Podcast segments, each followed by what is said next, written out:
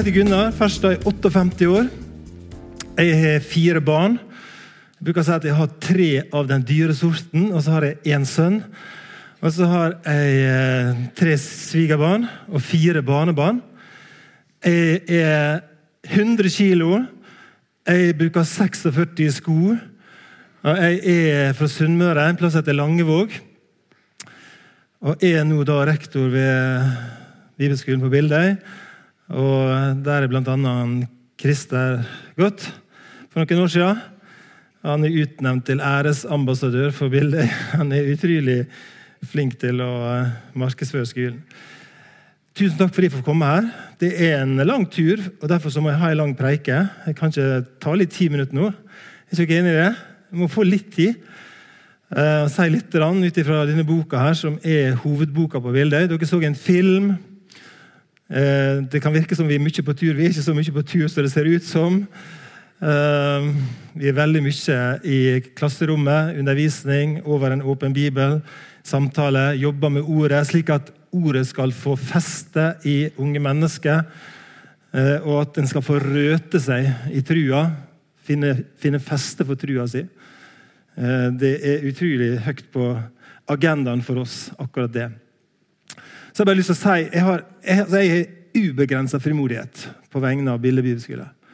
Og Det høres sikkert kanskje litt rart ut, men det bare har det fordi jeg, jeg, jeg, tenker det er så viktig. Ikke nødvendigvis bildet bibelskole, men bibelskole i seg sjøl. Altså, vi har tre skoler vi er sammen om i denne forsamlinga. Sånn som jeg har skjønt det. Der er en på Fjellhaug, der er en på Fjellheim og der er en på Bildøy. Og Av ulike grunner så velger unge mennesker å fare til Bergen i stedet for å fare til Tromsø eller Oslo. eller hva det skal være. Eh, så der er NLM-ere her og der er IMF-ere der. og sånne ting.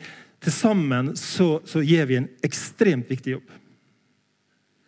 Det å være med å forankre unge mennesker i kristen tro, i tanke, det å tenke etisk riktig i ei forvirrende tid. Det å kunne få trygghet til å kunne stå i livet med ei tru i vår tid, det tenker jeg er veldig veldig viktig.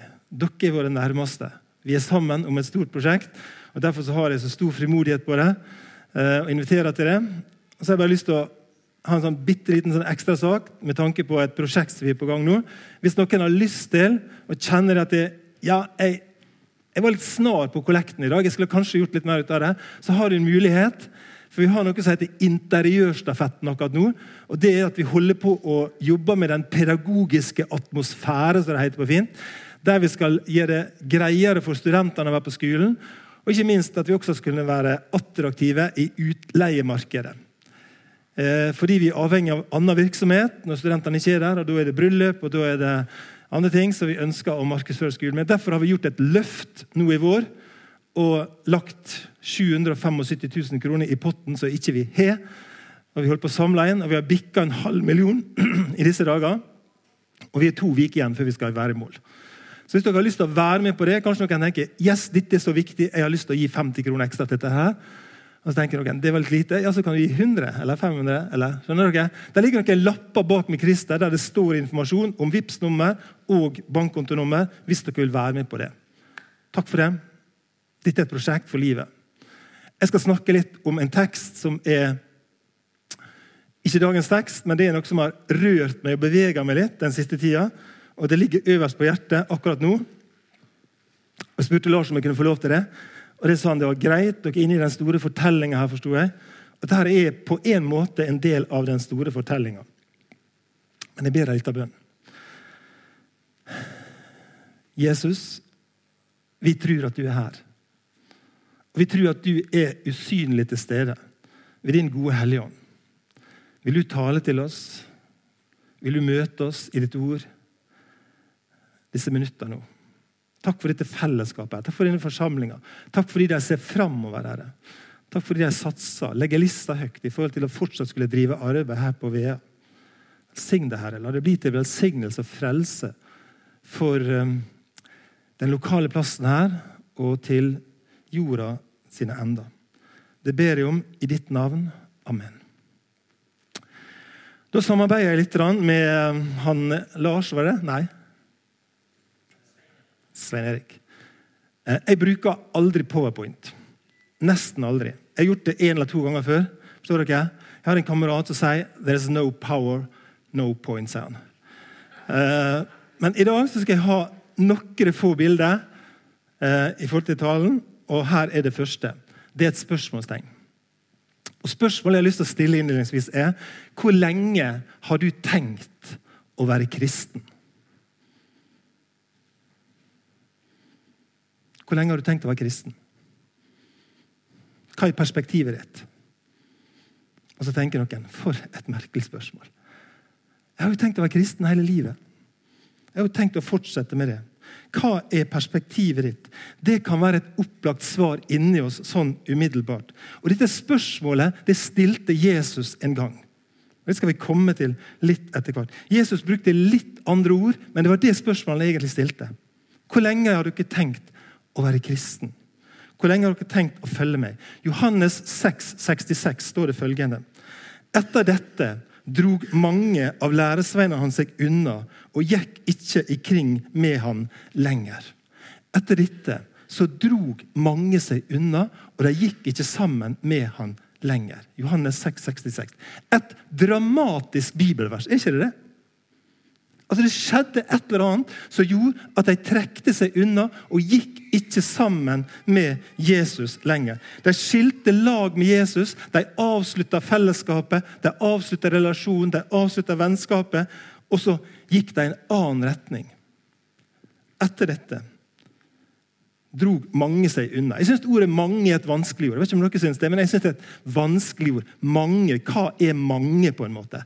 Det er et ord som jeg prøver å kanskje unngå. I fall når jeg skal bruke et argument. Det er mange som mener det samme som meg, men det var mange. Og hvor mange? Ikke peiling. Kanskje var det ti, kanskje var det hundre, men det var mange som drog seg unna og gikk ikke lenger sammen med Jesus. Jeg har en kamerat som for noen uker siden sa det. Når vi var ungdommer, så var vi 12-15 kristne kamerater. Nå er det fem seks stykker igjen som er kristne. Hvor lenge har du tenkt å være kristen?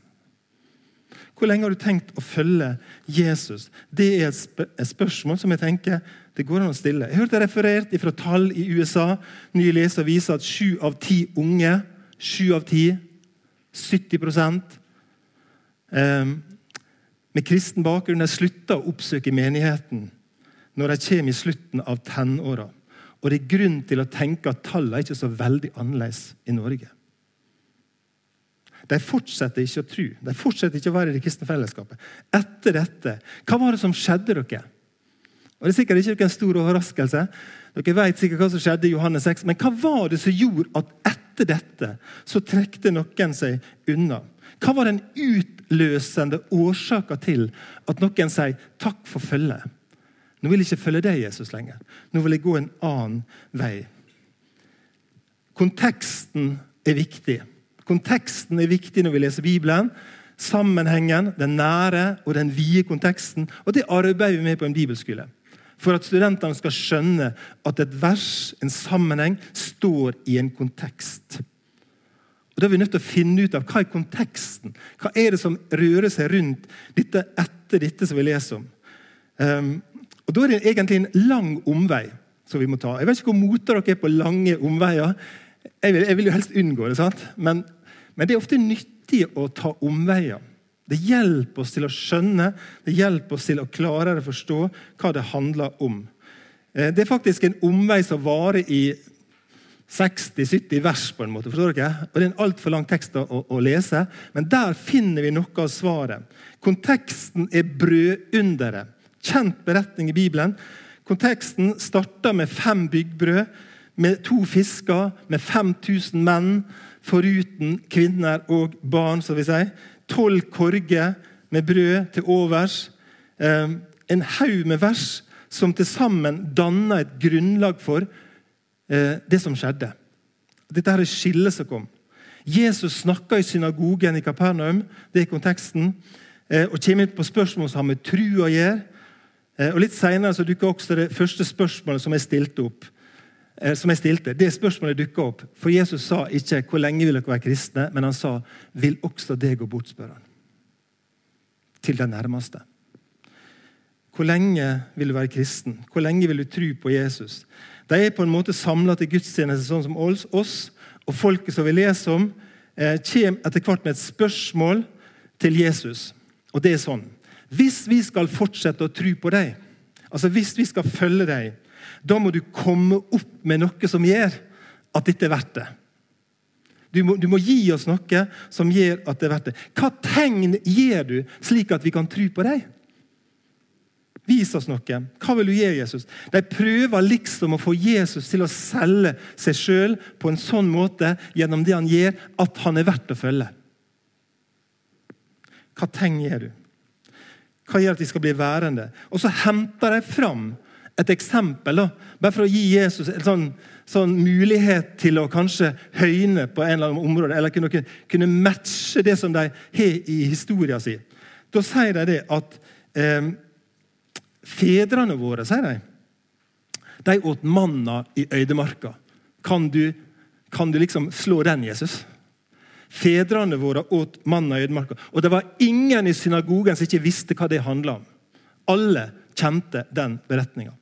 Alle visste om hvordan det var gjort i den gamle tid, når de vandra ut fra Egypten, og Gud ga dem manna fra himmelen. Brød fra himmelen ga han dem å ete, står det. Her hadde Jesus fått noe å bryne seg på, om du vil. Noe å konkurrere med. Kunne han stille opp med noe lignende? Det var det de lurte på. Våre fedre de fikk manna. Hva har du?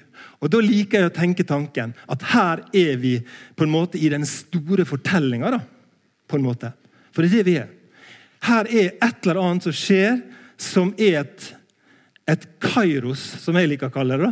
Og kairos det er en av, eh, en av gudene i den greske mytologien. og Det er ikke sikkert de er så ofte på bedehuset på Vea. Men kairos det er et uttrykk for tid som handler om øyeblikket. Kronos er holdt på å si, broren til Kairos. Det er to brødre i, i denne mytologien som handler om tid og tidsbegrepet. Kronos det kronologiske, det som på en måte kommer, det som vi vet følger sånn og sånn. Mens Kairos, hva er det? Noen som vet det? Lars, du vet det? Du vet det nå, når jeg har sagt det. Og Du kommer aldri til å glemme det. Fordi det er øyeblikket. Det er nå. Det er i dag. Og, og Kairos, han, han eh, greske guden der, han, han, har en hårsveis som er ganske sånn inn for tida. Og Han har en sånn hårsveis der han er helt glattbarbert i nakken. fullstendig glatt Og så har han lang lugg. Det er litt sånn inn i tida. Og Hvorfor har han en sånn hårsveis? Jo, det er fordi at Når han kommer gående, så må du ta han i luggen og gripe han i øyeblikket der og da. Fordi når han har gått forbi, så får ikke du tak på han. Han er helt glatt baki her. Kairos. Og nå er det et kairos, et øyeblikk, i dag. Tenk, Jesus har venta på dette en stund. da. Jeg liker å, å, tenke sånn da, at Jesus har bare venta på øyeblikket da han skulle få lov å fortelle hva den historien i ødemarka egentlig peker fram mot. Fordi den historien i ødemarka er bare en skygge av noe som skulle komme. Det skulle komme et annet brød. Det skulle komme en annen situasjon som skulle eh, forklare dette på en djupere måte. Og nå er øyeblikket. Nå skal Jesus få lov å si hva dette egentlig betydde. Ser dere for dere det? Han har venta på det. Manna-underet er bra. Underet der eh, Gud ga folket mat i øydemarka. Og det er sagt og det er skrevet. Asaf har skrevet i en salme, f.eks. De synger om det. Israelfolket sang om manna under i ødemarka. I profeten Hemja kapittel 9 vers 15 så er det referert til dette underet. Alle visste hva det handla om. Eh, og Det førte til at mennesker fikk mat, og de overlevde. Men nå er det at Jesus skal gripe øyeblikket, og så skal han fortelle det er en djupere mening med det. Det er noe annet djupere. Et skjult budskap. Vers 32 Johannes 6. Jesus svarer, sannelig, sannelig, jeg sier dykk, Moses gav dykk ikke brød fra himmelen. Det er far min som gir dykk det sanne brødet fra himmelen. Guds brød er det brødet som kommer ned fra himmelen og gir verden liv. Og Da sa de, Herre, gi oss alltid det brødet. Og Jesus svarer, jeg er livsens brød. Den som kommer til meg, skal ikke hungre. Og den som tror på meg, skal aldri tørste. Og Lenger ute i kapittelet, vers 48, så fortsetter Jesus på brødsporet, om vi kan kalle det for det. da. Og så sier han, 'Jeg er livsens brød'. Fedrene dykker åt manna i øydemarka. Men de døde. De døde. Det brødet som kommer ned fra himmelen, er slik. Den som et av det, ikke dør. Ikke dør. Jeg er det levende brødet som er kommet ned fra himmelen. Den som et dette brødet, skal leve til evig tid. Og det brødet jeg vil gi, er kroppen min, som jeg gjev til liv for verden. Kairoset har kommet. Jesus introduserer noe nytt for dem og forteller dem det, at det brødet som fedrene åt, det åt de, men de døde av det. De døde ikke av brød, men de døde selv om de hadde spist brød. Det var ikke et brød som hadde en sånn kvalitet at du kunne leve og leve og leve. Men jeg er et brød, sier Jesus. Jeg er livets brød. Og den som et av det brødet, han skal leve evig. Den som eter kroppen min, sier Jesus, og den som drikker blodet mitt, han skal leve. Og han skal leve evig. Jeg har kommet ned fra himmelen, og Gud er min far. Og det er da det skjer noe. dere i den teksten i den settingen vi er inne i. For da står det i vers 60-61 Dette er harde ord. står det. Dette er harde ord. Hvem kan høre på slikt, sier de. Jesus visste med seg at læresveinene hans murra. Murra Hvordan høres murringa ut på vea dere? Murrer dere av og til når dere hører taler? Nei, det er sånn murring i salen? Nei, det er ikke det. Men de murra skikkelig sånn uh, misnøye rundt det som ble sagt, pga. dette. Og han sa til dem, 'Gjør dette at det faller ifra', sier han. Altså Det som jeg har sagt nå, er det så provoserende, er det så utfordrende at dere faller ifra? Det er akkurat som klimaet dere. Legg merke til det. Klimaet i teksten, klimaet i situasjonen, det endrer seg dramatisk. Fra å være 'gi oss alltid dette brødet', til noen sier dette er harde ord. Hvem kan høre på noe slikt? Det begynner å koke liksom rundt Jesus. Og i en parentes sagt, Jesus sier i denne teksten her frafall er en mulighet. Det er mulig å forlate trua. Spørsmålet om hvor lenge du har tenkt å være kristen, er faktisk helt reelt. Og Jesus stiller dette spørsmålet, og så sier han gjør dette at dere faller ifra. Hvor lenge vil dere være kristen. Å forlate Jesus og dra seg unna er en mulighet. Og Det som fascinerer meg litt, det er at Jesus setter faktisk ord på det. Han er ikke redd for å sette ord på det. Han er åpen med det. Det er ikke sånn at Frykten for å oppdage at det er og er det en mulighet å gå ifra det. liksom? Er det en mulighet? Det var ikke klar over. Eh, frykten for at noe skal gå, kan jo gjøre at vi, vi, på en måte skjuler den muligheten. Og ikke, ikke La folk vite om det. på en måte. Holde pusten. at Noen må ikke oppdage at det går an å forlate. Og så er Jesus helt åpen med det. Og Det har noe med den friheten som Jesus gir ethvert menneske. Det er faktisk mulig å gå. Det er faktisk mulig å velge bort. Det er faktisk mulig å være tydelig med ordene, sånn som Jesus er det, på en sånn måte at noen velger å gå. Det er mulig å sette ord på den muligheten. Det at mennesket opplever Jesu ord som harde ord, det ser ut til å være en grunn for å forlate ham, sånn som vi leser her. Og Jesus slår ikke av på orda. Han trekker dem ikke tilbake. Tvert imot. Og Dette her er noe som overrasker meg enda ting, en ting da, i denne teksten. her. Tvert imot. Eh, han høyner på en måte budet. Så dere ser i teksten der.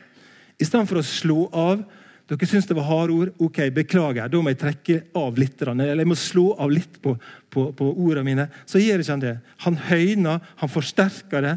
Dere syns dette er harde ord, sier Jesus. Hva så når det får se menneskesonen stige opp dit han var før? Og sånn I første omgang så kan jeg tenke, ja, var, det så, var det å høyne, liksom? Var det verre? Eh, da begynner Jesus å snakke om ting som for jødene oppleves som ren gudsbespottelse. Det var det som gjorde at øverstepresten i Matteus 26 flerra klærne av seg. Og sier han spotter Gud.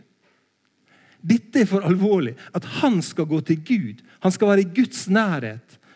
Og han kaller Gud for sin far.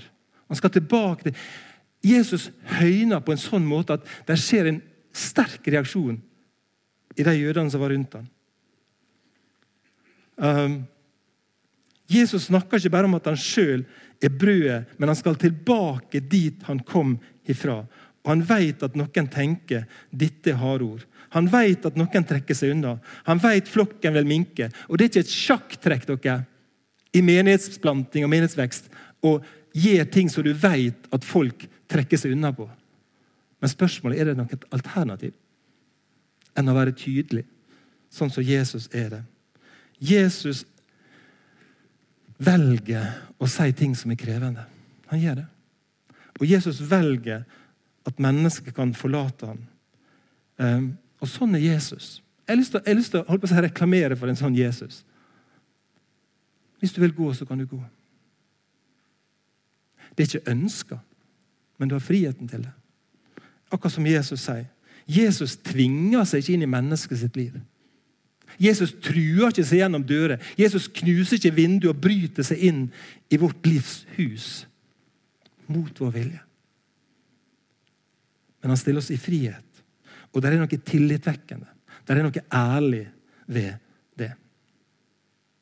Etter dette, dere Det er bilde nummer to. Jeg ser det har kommet opp her. Etter dette. Det var det som skjedde. Harde ord. De opplever det som bespottelse av Gud, og så trekker de seg unna og gikk ikke sammen med han lenger.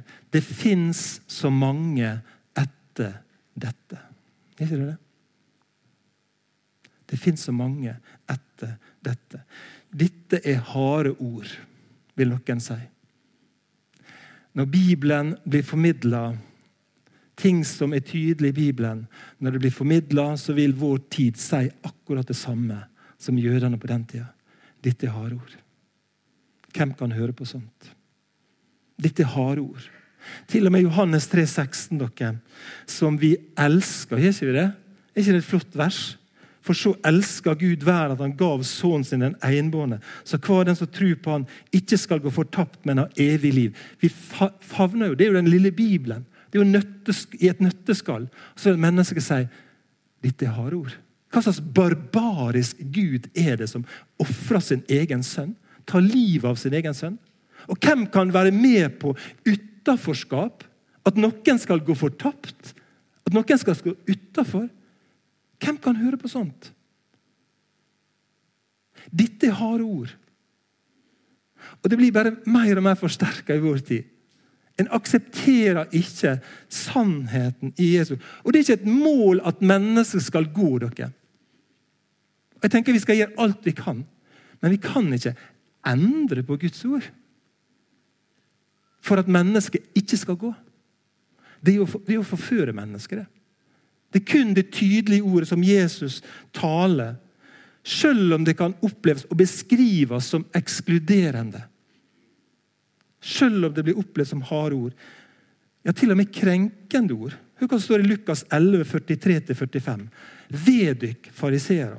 De elsker å sitte fremst i synagoga og vil gjerne at folk skal helse dere på torget. Vedykk. Det likner graver som ikke lenger er synlige. Folk går på dem og enser ikke.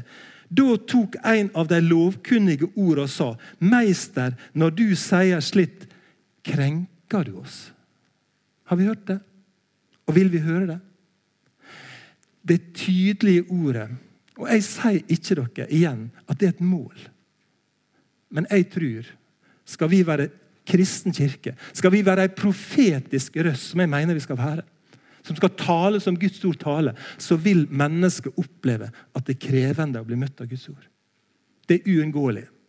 Jeg bruker å si det sånn at Jesus, ikke engang Jesus, som hadde god tid, god tid i lag med sin far og kunne planlegge hver en detalj. Er dere med på den tanken? De sitter der Før Jesus blir sendt til jord, så snakker de om disse tingene. Ja, hvordan skal vi møte den rike unge mannen? Han, han kommer, vi kommer til å få et problem med han. For Han kommer til å like dette her med penger. og sånt. Det er mulig at han kommer til å gå bort og gå sturen bort. Kan vi stoppe det? Er det en mulighet for å finne en måte å være så diplomatiske Forstår dere? At han ikke går. Og hva skal vi gjøre i forbindelse med den brødsaka, far? Sant? Når det, når det liksom kommer til det punktet der jeg skal fortelle at det, det er egentlig jeg som er brødet. Hvordan skal vi gjøre det? Slik at ingen går. Vi må for all del ikke la det komme ut noe som gjør. Er dere med? Ikke engang Jesus, som kunne planlegge i sammen med sin far, klarte å unngå at mennesker opplevde krevende. Og Jeg sier det for tredje gang. Det er ikke et mål, men er det noe valg? Selv ikke Jesus. Sanning og tru i kjærlighet var det nevnt i innledninga. Og det å tale sannheten. Du krenker oss. Frykta for at noen kan bli støtt, kan ikke hindre oss i å si så sier Herren. Hvem skal være profetrøst? Hvem skal tale som Gud taler? Hvem skal tale som Guds ordtale? Hvis ikke den kristne menighet på Vea skal gjøre. Etter dette drar mange seg unna. Jeg tror det er sånn. Det var sånn, og det vil være sånn. Grenseoverskridende atferd. Noen har opplevd det. Noen har opplevd at noen med lederposisjon har gjort ting som ikke var greit inn i livet deres. Gått over ei grense. Og Derfor har vi utvalg i organisasjonene våre som jobber med krenkelsessaker. Jeg skulle ønske det var over. Jeg kjenner jeg blir sint. At vi fortsatt skal jobbe med saker som handler om krenkelse. Maktposisjoner som en pastor, eller en leder eller en en folkeskolelærer eller en bibelskolelærer for den del utnytter og misbruker sin makt. Og etter dette så skjer det noe i menneskets liv. Kanskje hos den det gjelder, kanskje hos familier rundt. Etter dette ledere som har såra meg. Møte med livet. Har du møtt livet på en så brutal måte at du har tenkt Jesus, nå vet ikke om jeg kan tro på det lenger. For livet er så brutalt rått at jeg vet ikke om jeg kan være sammen med deg etter dette, etter det som har skjedd nå Livet er så, er så brutalt. Um, det at dette lille barnet ble påkjørt, tre år gammel, og sprang ut i veien Hvordan kan vi leve med deg nå, Gud? Hvordan kan jeg tro på deg nå, Gud? Eller denne ungdommen som var på skolen for en tid tilbake, der fikk telefon fra venner hjemme at en annen venn hadde gått bort og avslutta livet sitt. Livet ble så strevsomt. Så sitter med den studenten. Hvordan kan jeg tro på Gud nå? Etter dette? Er det mulig å tro på det nå? Eller møte med akademia, folkens. Møte med akademia. Møte med kunnskap om ting som vi tenker det hadde ikke Paulus greie på. Og det er ikke Bibelen greie på. Hvem kan tro på sånt? Hvem kan tro på en skapelse? Etter dette så trekker mange seg unna. Ifølge noe som heter Pew Research Institute Jeg er ikke så stiv i engelsk, men jeg var ganske stiv i gymnastikk. på men, eh, Så mener 42% dere 42% av befolkninga at vitenskapen har gjort religion overflødig. Vet du hva? Norge, VEA, ligger på europatoppen. Vi trenger ikke Gud. Vi trenger ikke religion. 4,2 av 10 sier vitenskapen har erstatta Gud. Etter dette. Etter at vi er blitt opplyste, etter at vi har skjønt ting på en ny måte. Etter sykdom og død i ung alder. Etter at kreften bare brøt ned kroppen til ektefellen min. Hvordan kan jeg tro på Gud nå? Etter alt dette. Jeg får ikke bønnesvar. Jeg kjenner ikke på følelser i kristenlivet mitt. Jeg vil, jeg vil, ha mer følelser. Hvis jeg skal tro på deg, Gud, så må du gi meg mer følelser i kristenlivet. Etter dette Hvordan har jeg tro, dere? Det er mitt spørsmål nå. Um, hvordan har jeg tro som tåler etter dette.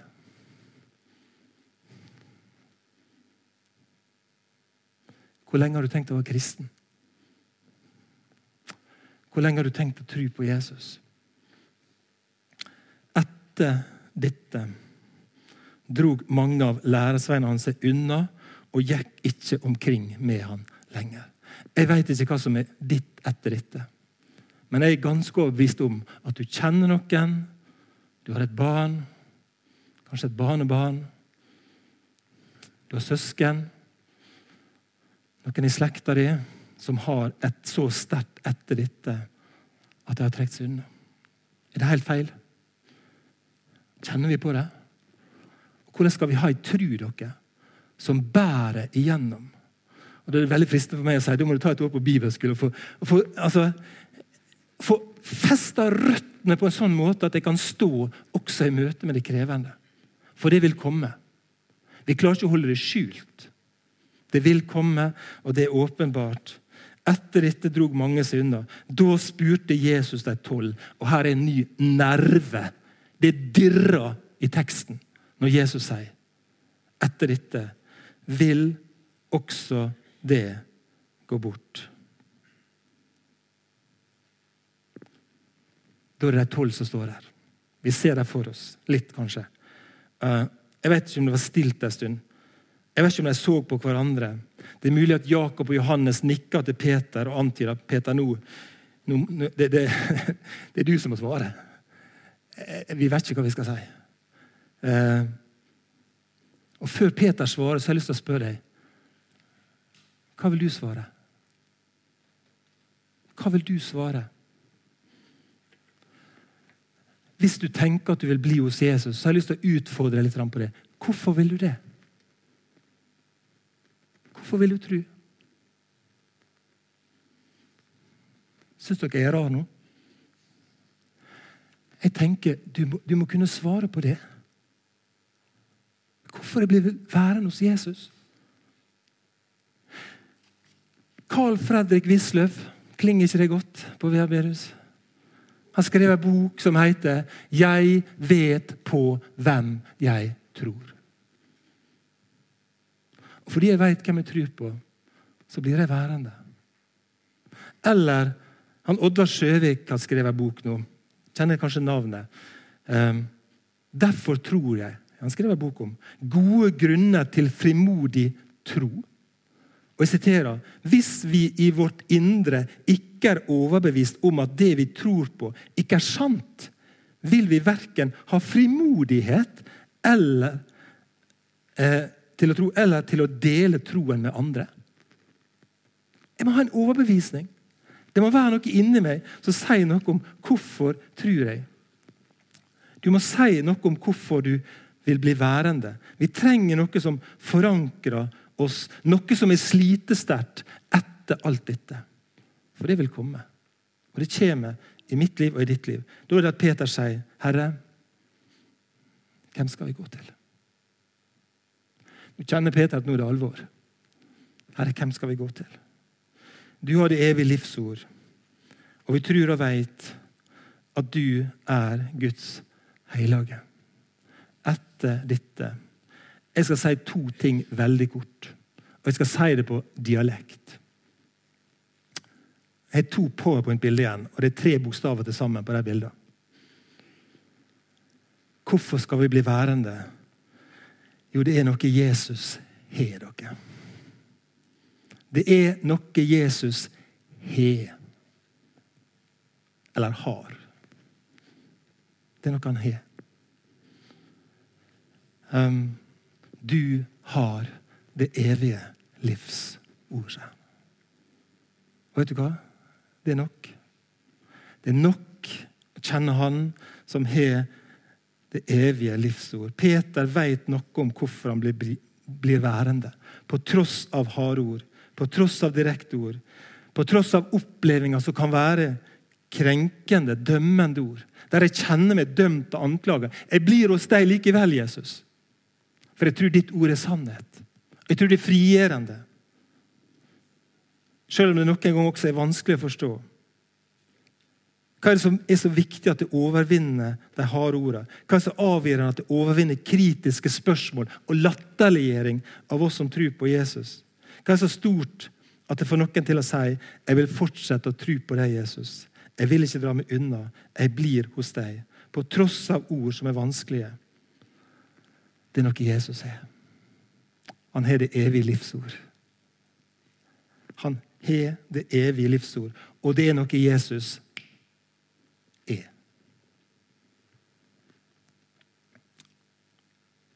Han er dette brødet. Han er dette brødet.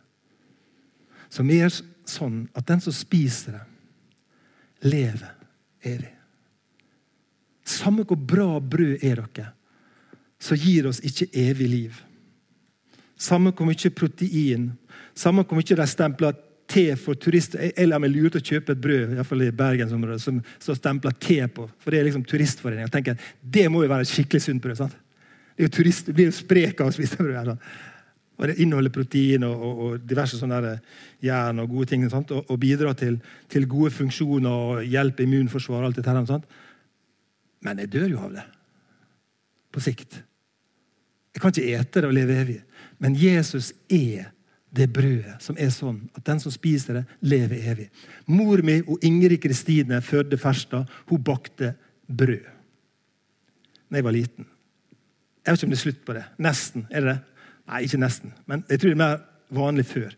Og Jeg kom fra trening, spilte fotball, og jeg kom ned i bakkene så bare kjente jeg, jeg kjente sånn brødlukta ned i bakkene på vei hjem fra trening.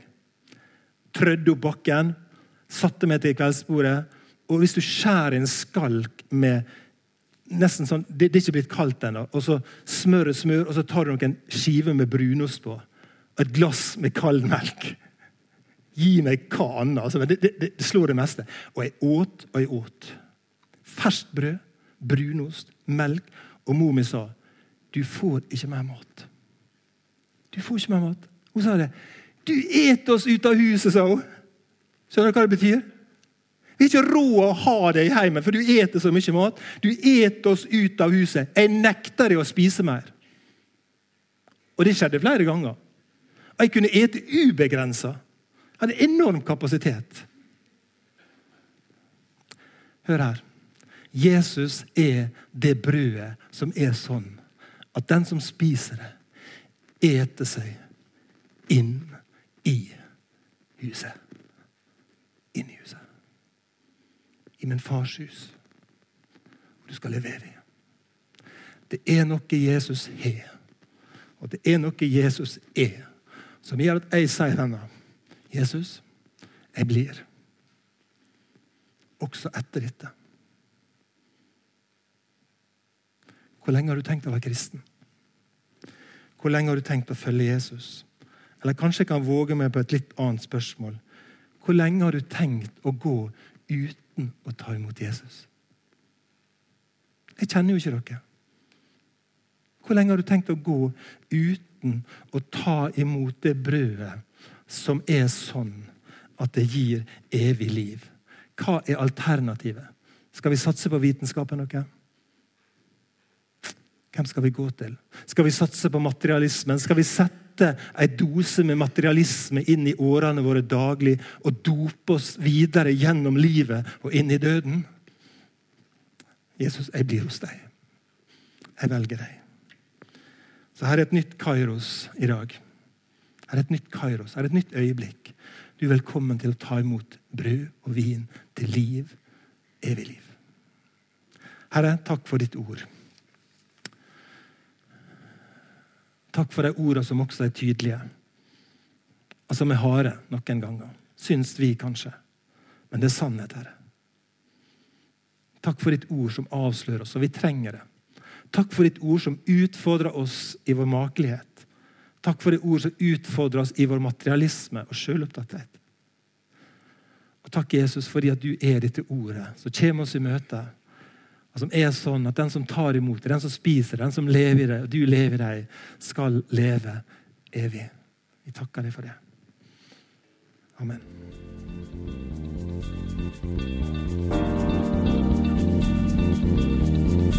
Thank